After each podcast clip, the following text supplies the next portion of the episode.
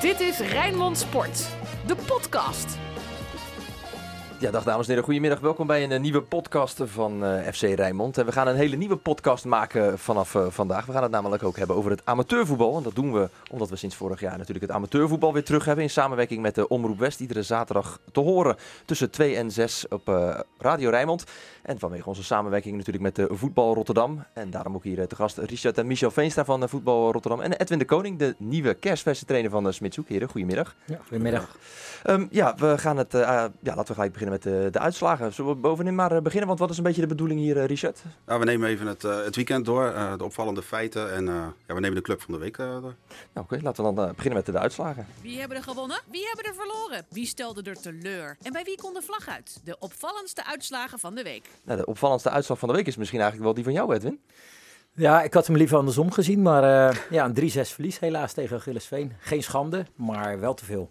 Ja, want als je dan inderdaad die, uh, die wedstrijd dan teruggaat, je zegt ook van ja, geen schande, maar wel te veel goals. Hè? Waarom dan toch zoveel tegengoals?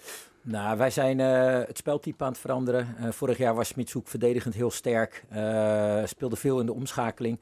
En wij willen wat aanvallender spelen. Dat is ook de reden dat we veel goals maken, aanvallend goed staan, maar daarmee heel veel ruimte weggeven. Ja, daar zijn we nu mee aan het werk om dat te, te verbeteren. En gisteren, Achilles Veen is een pittige tegenstander. Uh, die wil echt de stap naar de derde divisie maken, al jaren. En ook dit jaar weer. En gisteren hebben we een kansloze eerste, eerste 30 minuten gespeeld. Kom je goed terug in de wedstrijd. Tweede helft denk ik dat we het redelijk goed naar ons hand om kunnen zetten. Tot een kwartier voor tijd dat je op 3-3 gelijk komt. Ja, en dan gebeurt er iets in de groep dat we, dat we denken, het gaat nu echt gebeuren. En dan uh, sta je binnen anderhalve minuut weer op uh, 3-4 en dan wordt het ook 3-5, 3-6, omdat er ergens wat knapt. Ja, we gaan het straks uitgebreid nog hebben over uh, Smitshoek hè, als club van de week. De eerste club van de, de week ook. laten we beginnen in de, de tweede divisie, um, Michel. Want ja, we hebben het al eerder gehad over ASWA. Hè, net voordat we de podcast op gingen nemen. Mensen dachten vooraf, het zal wel een heel zwaar seizoen gaan worden. Zeker als je kijkt naar het vorige seizoen, dat ze zonder die coronastop waarschijnlijk hadden gedegradeerd. Ze doen het hartstikke goed. Ja, ja. ja we hadden het uh, vorige week ook al met uh, Jan Jaap over de kenner van ASWA. Die, Onze collega hier bij uh, Rijnmond. Ja, die maakte een grap dat ze deze week weer zouden winnen. Ja, maar dat bleek dus geen grap te zijn. Ja, 2-0 gewonnen. Ja. Eventjes voor de duidelijkheid natuurlijk 2-0 gewonnen op eigen terrein van de Treffers uit Groesbeek. Ja. Ja, ik vind het ook verrassend. ze hebben nu al 9 punten en vorig jaar stonden ze na 24 wedstrijden op 17 punten. Nee, 14 dus, zelfs. Ze hadden er zelfs 14 na 24 wedstrijden. Oké, okay. dan uh, klopt het niet op, uh, op internet. Maar 14, dus uh, ze zijn al aardig op weg om, om dat te evenaren. En ze staan gewoon netjes tweede nu. Ja, als jij kijkt daarnaar, Edwin, want ja, zij hebben dan inderdaad gezegd dat nou, het grootste gedeelte van de selectie is intact gebleven. Um, ja, dan moet je dus ook iets anders gaan verzinnen.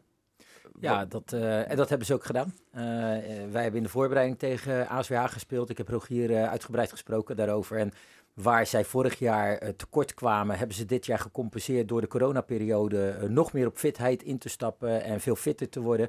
En zij compenseren nu een stukje kwaliteit uh, met heel veel extra fitheid ten opzichte van de tegenstander. Ja, en dat vertaalt zich nu naar punten. Dus de keuze die Rogier gemaakt heeft is uitermate goed. Ja, je hebt een training ook van hem toegestuurd gekregen, liet je weten? Ik heb een training gezien van hem in de, in de coronaperiode waarin iedereen leuke dingen doet om iedereen plezier te laten houden. heeft hij ervoor gekozen om ze echt het velletje van de neus te trekken en uh, tot in het rood te laten gaan. Noem eens een voorbeeld, wat, wat deed hij dan? Uh, hij heeft heel veel loopvormen zonder bal. Echt de fysieke weerbaarheid, de fitheid, dat is in alle trainingen teruggekomen. En daaraan wel gekoppeld het spelprincipe en de spelprincipes die zij willen invoeren in de, in de wedstrijden. Dus nee, hij heeft ervoor gekozen om geen rust te nemen in de periode juni. Hij, heeft, hij is toen de voorbereiding begonnen. Ja, dat vertaalt zich nu naar uitermate goede resultaten. Waarin uh, komend weekend ze zichzelf nog meer kunnen belonen. Ja, als ze inderdaad tegen AFC gaan spelen, dat is dan de koploper. Staan maar één puntje voor. Maar dat zou natuurlijk wel heel bijzonder zijn. Dat zij inderdaad nu aan dit seizoen beginnen. Mensen van tevoren denken, het zal wel een zwaar seizoen uh, worden. En dan misschien ja, volgende week wel eerste kunnen staan in de tweede divisie. Ze hebben er ook wel weer wat leuke spelers bij uit Zeeland. Want in de opstelling speelden er gewoon vier nieuwe jongens in vergelijking met vorig jaar. Dus ik denk dat dat toch wel een beetje uit de connectiesferen van, uh, Veenstra komt. Ja, ik moet zeggen, die uh, Daniel Wissel, uh, die spits, ja. uh, vorige week na 26 seconden maakte hij hem al. En dat is gewoon een spits, die, die, die heeft geen kans nodig om wel te scoren. en op het middenveld, ze zijn heel degelijk. Ja. Maar ook jongens als eh, eh, op het middenveld die eromheen staan en Corporaal. Ja, dat, die brengen wel wat extra's. Jesper, Jesper van der Bos natuurlijk ook, hè? Jesper, ja, maar als je, als, je, als, je, als je naar AZH kijkt, hè, die hebben dan niet, niet het, het, het grootste budget. Dan zeg je, eh Rogier Veenstra heeft eh, ja, trainingen, hard trainen, doortrainen. Is dat dan ook niet een methode om zonder geld iets hoger te komen eh, dan dat je een heel groot budget hebt en goede spelers haalt? Dat is ook een kwaliteit. Ja, alleen gaan die goede spelers dan weer weg als ze wel geld krijgen ergens anders. Dus dat, dat- dat hoeft niet, dat hoeft dat niet. hoeft maar het is vaak wel zo natuurlijk. Je kan vaak wel de ranglijst op basis van budget, is die aardig in te vullen, laten we het zo Ja, doen. maar dan- ja, dan maar is ik het vind toch Rogier is ook wel een trainer met een plan. Eh, die heeft Ja. er goed over nagedacht. Eh, voor hem vorig jaar voor het eerst op dit niveau. En die wilde zelf slagen. Nou, dat is eh, vorig jaar moeizamer gegaan. Maar heeft daar wel van geleerd. En heeft daar wel stappen in gezet over hoe hij dat er nu ging invullen. Ja, ik, eh, hij, denkt, eh, hij denkt er goed over na. Ja, en het is wel een, een nieuwe trainer. Erg jong, hè? Ik denk Jong, dat er een aantal spelers eh, ouder zijn. eh, Ja, ik heb een aantal keer eh, een webinar met hem gehad en gezien. Eh, het, is, het is wel iemand ook van nieuwe oefenstof. Veel chaos trainingen om jongens ook cognitief te verbeteren. Ja, misschien is dat ook wel het verschil eh, dat je daar net dat extraatje eruit kan Ja, halen. nu. Wat is dat, cognitieve trainingen? Eh, dat is dat jongens eh, buiten het feit dat hun voeten veel moeten doen en de keuzes, dat ze ook met hun hoofd blijven denken, dat de hersenen. Dus eh, hij kan zomaar 8 tegen 8 in eh, eh, twee richtingen spelen eh, en twee partijen door elkaar. Dus je hebt geel tegen oranje en groen tegen blauw en die spelen op één veld. Alleen die hebben niets met elkaar te maken. Om jongens maar continu te laten schakelen in hun hoofd. eh, dat ze sneller keuzes en sneller goede keuzes kunnen maken. Kan dat ook op tweede klasse niveau, denk je? Eh, ik denk dat eh, iedere trainer die erover nadenkt dat het kan. Als je het maar aanpast op het niveau dat nodig is. Ja. Maar is het, denken jullie ook hè, dat ze hebben nu dan een goede seizoenstart? Die hadden ze vorig jaar eigenlijk nou, een redelijke seizoenstart. Toen hadden ze eh, vier punten bijvoorbeeld na de eerste drie wedstrijden. En tot gisteren hadden ze dan zes. Daarna stort het dan redelijk in. Maar denken jullie ook dat zij dat dan met deze nieuwe methode van trainen dat langer door kunnen trekken? En dat ze misschien makkelijk in die tweede divisie gaan blijven? Ja, als jij fit bent en je hebt heel de zomer doorgetraind, ja, dat, dan, dan kan je het ook langer volhouden. En dat zie je ook in Ja, die de anderen kunnen ook fitter worden. Ja, maar die hebben waarschijnlijk niet het aantal meters gemaakt wat, wat hij ze heeft laten lopen. Ja, ik, eh, ik hoop het dat ze het vol kunnen houden. Wat het belangrijkste is, denk ik, nu voor ASWH, is dat ze in deze fase al deze punten gepakt hebben. eh, en dat het alleen maar beter kan. Eh, als je als groep gaat geloven in wat je doet. Eh, want voetbal is ook nog steeds een mentaal dingetje. Hè? En als je met z'n allen gelooft dat je de goede dingen doet, ja, dan kun je het heel lang volhouden. Dan kun je tot grote hoogte komen. Eh, kijk naar het kampioensjaar van Feyenoord. Het was niet de beste ploeg, maar het was wel het beste team. En, en dat is ook een spirit. Ja, maar ASWA, als ze erin blijven, dan hebben ze het in principe prima gedaan, toch? Dat is het doel. En dan Ja. hebben ze het fantastisch gedaan. Eh, Ja, ik sprak na de wedstrijd met Brian Jansen en met Rogier Veenstra. En ik vroeg ook van, eh, moeten de ambities niet een beetje bijgesteld worden? En toen zei hij ook van, nou, laten we dat nu vooral niet doen. En Brian Jansen zei, nou, je hebt wel een verschil tussen eh, doelstelling en ambitie. Eh, de doelstelling is erin blijven. Hij zei, maar de ambitie is natuurlijk wel om hoog eh, te eindigen. Ja. Nou, dat is denk ik wel... dat is een logische. Ja, precies, ja. Hey, ehm, eh, andere ploegen in die tweede divisie zagen we ook dat ehm Excelsior Sluis ja, hadden verloren van eh Tech. En Jong Sparta, dat viel mij vooral op. Hè. Jong Sparta speelde tegen Quick Boys. En die speelde op hetzelfde moment bijna als het, als het eerste elftal van Sparta. Dat is, toch, dat is toch misschien ook wel een beetje gek, of niet? Ja, in principe heb Jong Sparta elke week een, een, andere opstelling, een andere groep. En ja, het riekt een beetje naar competitievervalsing. Want Ja. tegen, de ene, tegen de ene ploeg eh, doen je beste spelers mee. En tegen de andere ploeg Mhm. ja, hebben ze er misschien net, eh, net 14. Ja. Ja, het, het is maar net afhankelijk op welk moment je tegen Jong Sparta speelt. Of je een voordeel hebt of een nadeel. Ja. Dus je moet hopen dat ze een beetje op hetzelfde moment als Sparta spelen. Als tegenstander Ja, zijn als tegenstander, als ja. tegenstander zijn er wel. Ja. Ja, Ja. Nu als Quick Boys dan de ploeg, ja, we winnen dan met 1-0 bij Jong Sparta. Maar... Nou, aan de andere kant, eh Jong Sparta is gewoon een eigen team in een eigen competitie. Eh zouden ook niet te veel afhankelijk moeten zijn van Sparta 1. Eh, ze zijn daar juist in het opleidingsteam bezig. Dus ja, ik weet niet of, of het nou heel erg nade- nadelig is dat ze tegelijkertijd spelen. Ja, de wissels Ja, maar voor van de- tegenstanders bijvoorbeeld weer wel. Ja, dat klopt, dat klopt. En eh, de wissels van de eerste groep kunnen in dit geval gisteren als ze tegelijkertijd spelen niet eh, aansluiten. Eh, aan de andere kant, Bukari heeft ook gewoon zijn eigen groep waar ze mee willen werken en waar ook de, de principes mee, eh, mee ingeslepen worden. Maar ja, als je twee spelers eh, erbij krijgt die terug moeten komen van een blessure of iets dergelijks. Ja, dan is het wel een ander elftal natuurlijk, ja. En dat scheelt wel. Ja. Ja, dat klopt. Nou ja, die discussie is vorig jaar Ja. ook met Jong Ajax, Jong PSV geweest natuurlijk. In Europese weken eh, had je een heel ander eh, Jong Ajax of Ja. Jong PSV eh, dan, dan niet. En dat heb je nu met Sparta ook als ze tegelijkertijd spelen op zo'n dag. Ja. Dat zie je wel, in, dat klopt. Gaan zij erin blijven wel, Jong Sparta en Excelsior met Sluis ook? Ja, maar Sluis doet het denk ik qua budget ook prima als ze, als ze er gewoon in blijven. En wel een lichtpuntje daar met die eh 18-jarige Van Mil. Van Meel.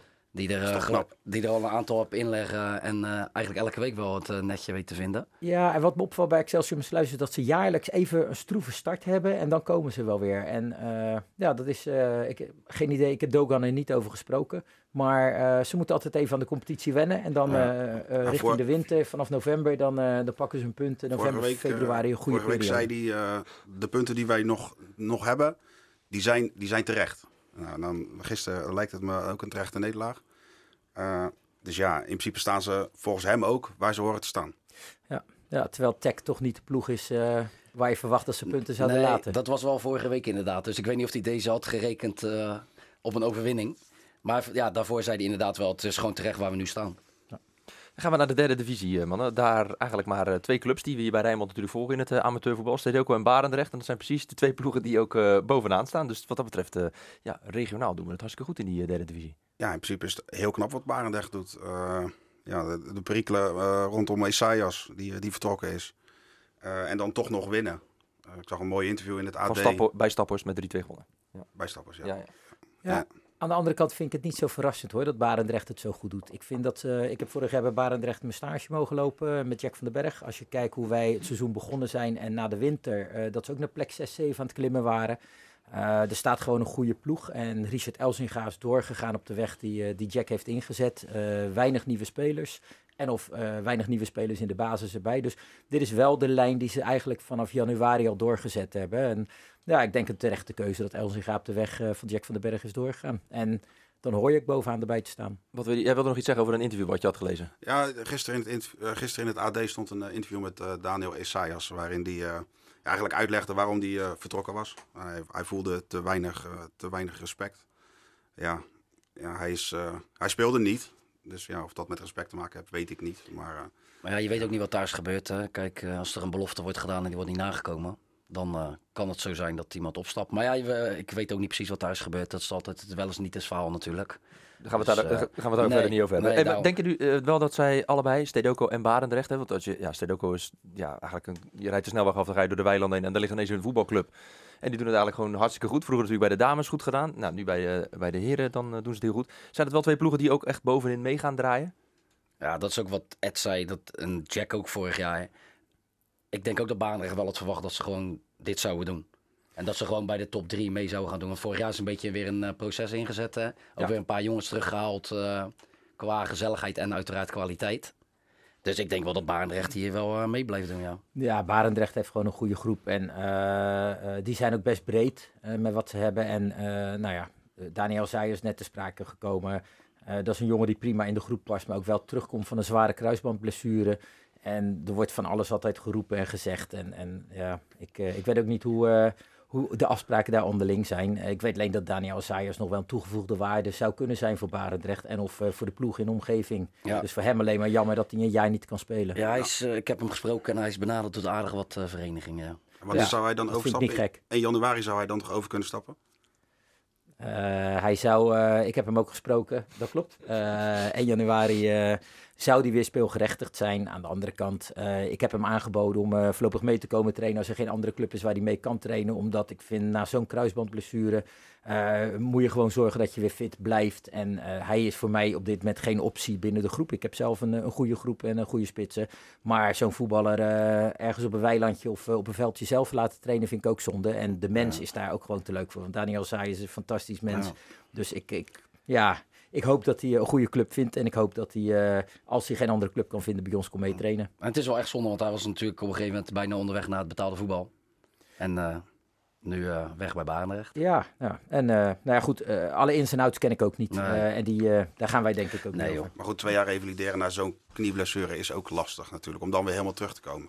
Ja, nou ja, dat is altijd lastig. En terug op je eerste vraag, Stedoco, of die daar blijft staan. Eh Stedoco ken ik minder goed als Barendrecht. Ik verwacht dat Barendrecht eh, wel bij die eerste vier, vijf eh, moet kunnen eindigen. En Stedoco doet het jaarlijks wel, eh, wel goed. Eh, zeker als je kijkt wat daar in de omgeving speelt, hebben ze best een grote vijver waar ze uit kunnen vissen.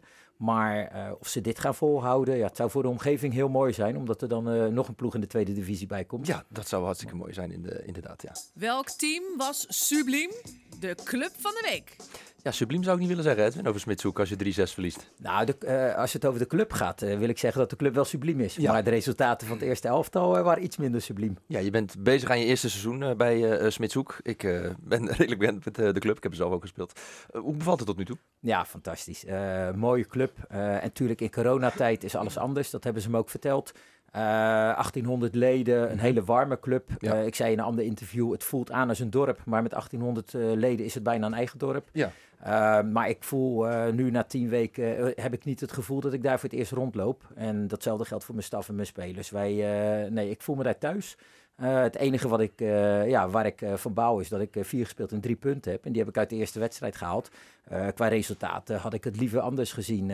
Als ik kijk naar Richard Middelkoop die weggegaan is bij Schravenzande 4-12 heeft. Ja, zo had ik bij Smitshoek ook graag begonnen. Ja, maar waarom is dat dan uiteindelijk net niet gelukt? Nou, wij zijn, wat ik net zei, speelwijze aan het veranderen. Dus ze staan wat anders. Ik vraag wat anders van de spelers dan dat ze afgelopen drie jaar gewend zijn. Vorig jaar zijn ze zesde geworden met dat speltype. Dus dat heeft ook een bepaald vertrouwen. En ik ga wat anders doen. En als je dan verliest, dan, moet je wel zorgen dat je achter elkaar blijft staan daarin. Eh, niet dat daar een discussie over is, maar eh, het kost wel veel energie om ze toch weer te vragen om te doen wat ik graag wil. Eh, en ik denk dat we qua competitietegenstanders eh, niet de minste gehad hebben. Eh ARC, Rijnvogels, Achillesveen. Dat zijn drie ploegen die pretenderen bij de eerste vier, vijf posities te eindigen.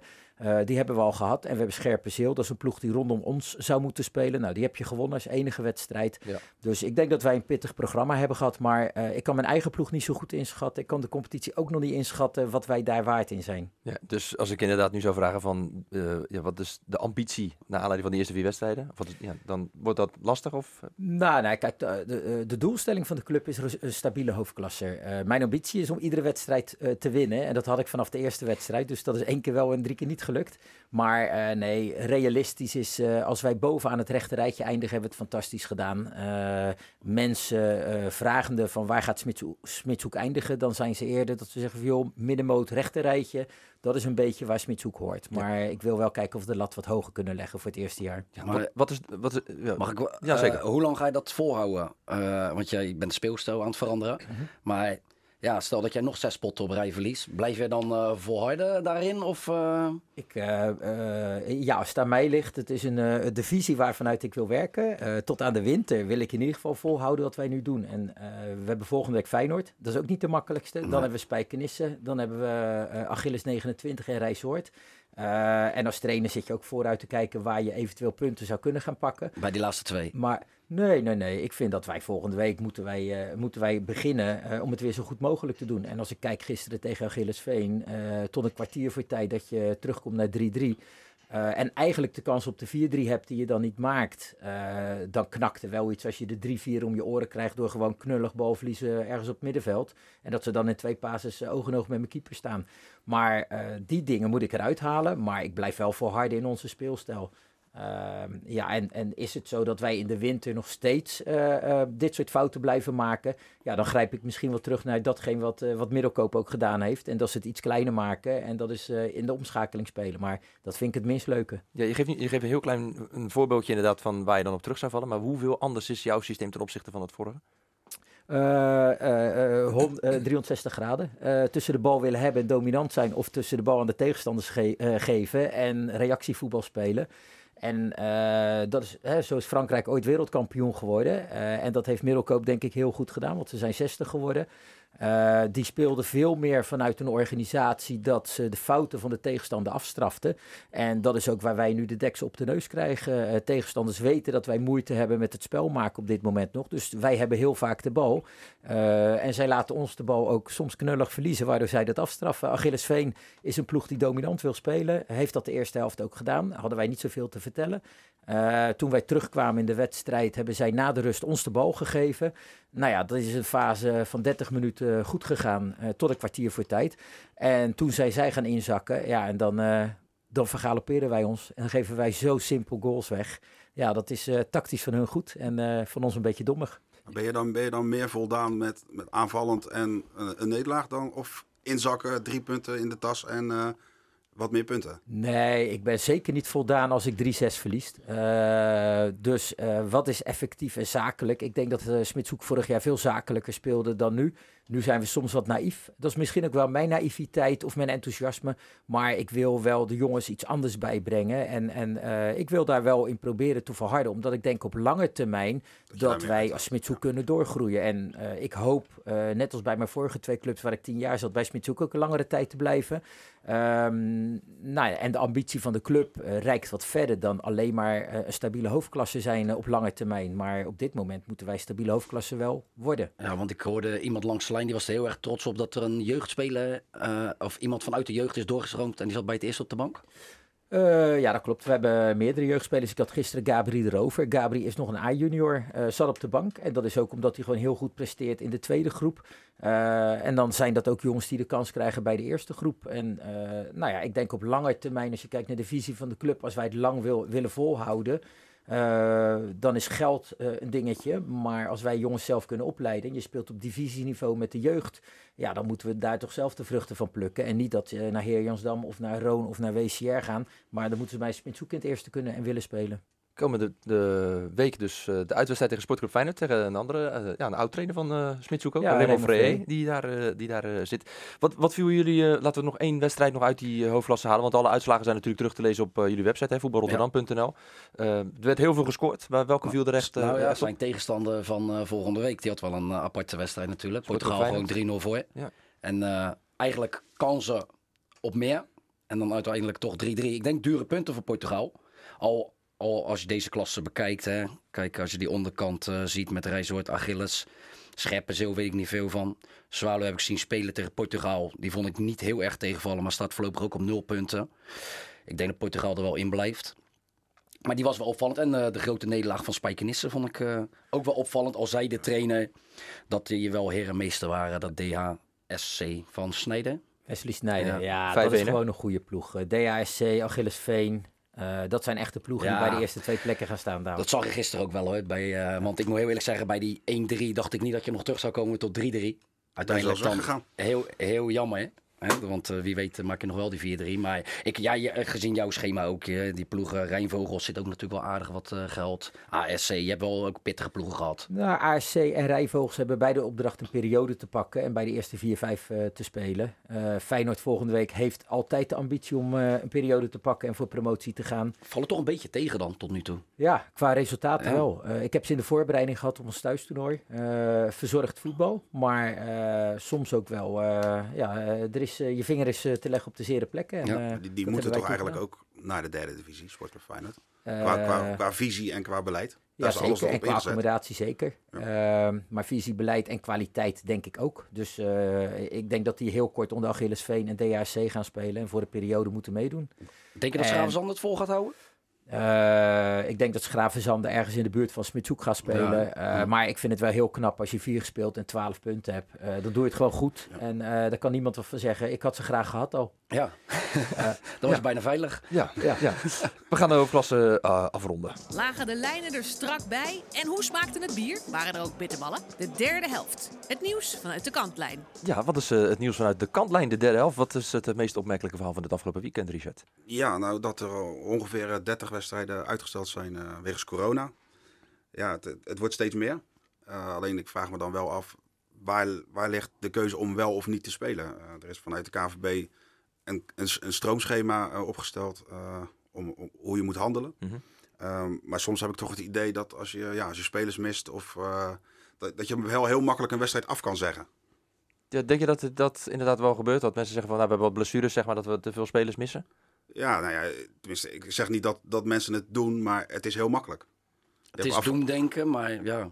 Wat vind jij Ja, ervan, Edwin, als je dit ik hoort? weet ook eerlijk gezegd niet of wat de regels zijn. Moet je het kunnen bewijzen bijvoorbeeld? Moet je, de moet je iets kant. inleveren, een formulier? Of jij, jij hebt ermee te maken gehad dat het geen coronageval was, hè? Nee, wij hebben afgelopen week drie jongens gehad die getest moesten worden. Dus die konden niet trainen. Eh wat de afspraak is, als iemand een test gaat doen, dan mag je niet meer op de club verschijnen. Eh, dus nou, eh, wij hebben ervoor gekozen dat ze niet konden trainen. Dan kan je dus ook niet spelen op zaterdag als je nog geen uitslag hebt. En dat benadeelt mijn team.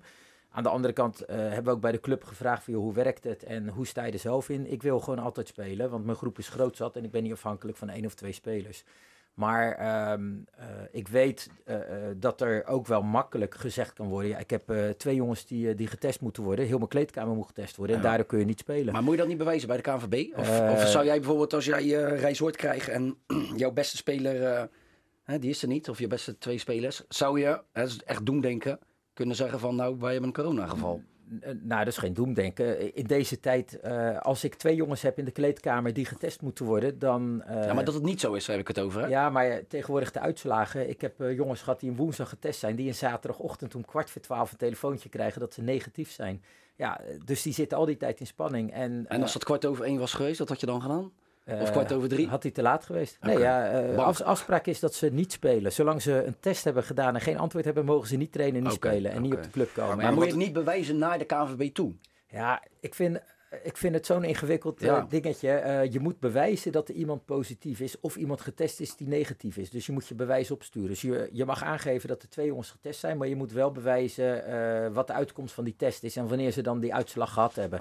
Dus op het moment dat je op zaterdag uitslag krijgt, is dat voor de KNVB wel een issue. Ja, daar had je niks aan kunnen doen. Maar krijgen ze op donderdag uitslag, dan moet je op zaterdag gewoon spelen. Eh, en als iemand positief is, dat betekent het dat iedereen die gedurende de meer dan 12 minuten eh, eh, in een afgesloten ruimte met die persoon is geweest, die moeten allemaal getest worden. Dus eh, onze wedstrijdbesprekingen doen we ook buiten om dit soort issues te voorkomen. En wat is dan de afweging om wel of niet te spelen? Kijk, je had afgelopen zaterdag RVVH tegen Neptunus Schiebroek. Eh, beide ploegen waren al op het complex. De scheidsrechters waren al op het complex.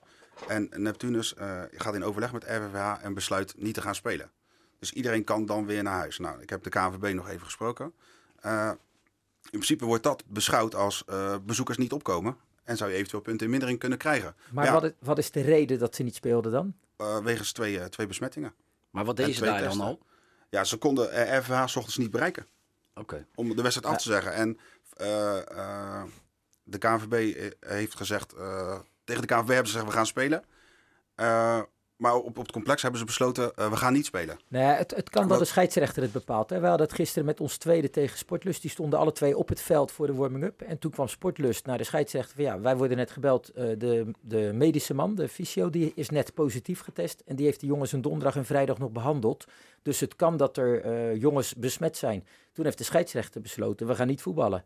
Eh, dus die kan dat besluiten. Volgens mij kan je als club zelf niet besluiten, Maar we spelen niet. Het zou toch ook wel heel dom zijn als die scheidsrechter dan zeggen, we gaan wel voetballen. Of de Nee, spelers zelf, dus- de dus tegenstander. Volgens mij is de afspraak dat als iemand getest moet worden, Dan moet je mag hij niet niet meer op de club komen. Ja. Precies. En eh, daar zijn dus daar zijn fouten in, ja, in de ja, het afspraken blijft een gemaakt. lastig verhaal natuurlijk. Ja. Ik denk dat we daar de komende weken nog heel veel mee te maken zullen gaan, eh, gaan krijgen. Ja, als er nu al En- 30 wedstrijden uit zijn Ja, en eh, hè, er moet nog veel meer komen. het wordt een druk dan, inhaalschema nog. Ja, ja. Ja, ik, ik hoop dat de competitie gewoon door blijft lopen. Er zijn ook eh, zwartkijkers die zeggen van joh, eh, deze competitie haalt zijn einde ook niet. Eh, en ik hoop dat we dan allemaal ons willen aanpassen en dan af en toe in een andere samenstelling. Maar en we door de moeten gewoon blijven voetballen. Door de weekse wedstrijden, dat is niet anders. Ja, dat is in de landelijke competitie Ja. best lastig. Scherpenzeel uit door de week is best een eind rijden. Ja, wat moet, moet.